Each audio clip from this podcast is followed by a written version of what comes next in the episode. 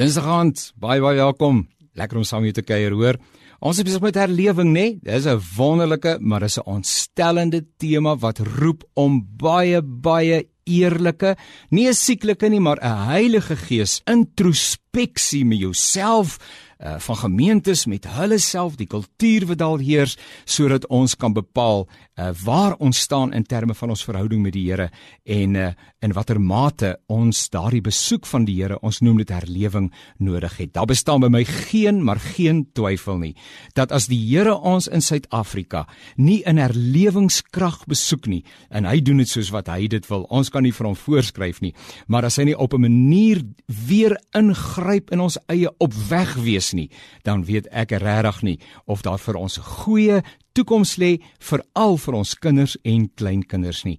Kom ons sê dit vir mekaar. Ons het die Here verskriklik nodig. Daar kan tog geen twyfel bestaan dat die geestelike morele temperatuur in Suid-Afrika kommerwekkend laag gedaal het nie.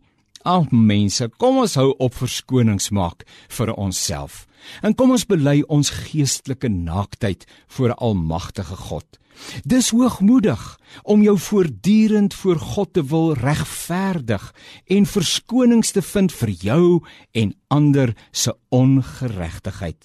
'n Mens lees dit in die koerante, in die media. Jy lei dit af in die gesprekke wat gevoer word. Jy sien dit op TV voor jou afspeel. Suid-Afrika staan op die rand van 'n afgrond. Dit beteken nie dat daar nie mooi dinge is nie. Dit beteken nie dat die Here nie op sommige plekke werk nie. Dit beteken nie dat ons dankbaar is vir dit wat hy wel doen nie. Maar dit gaan nie met ons goed nie.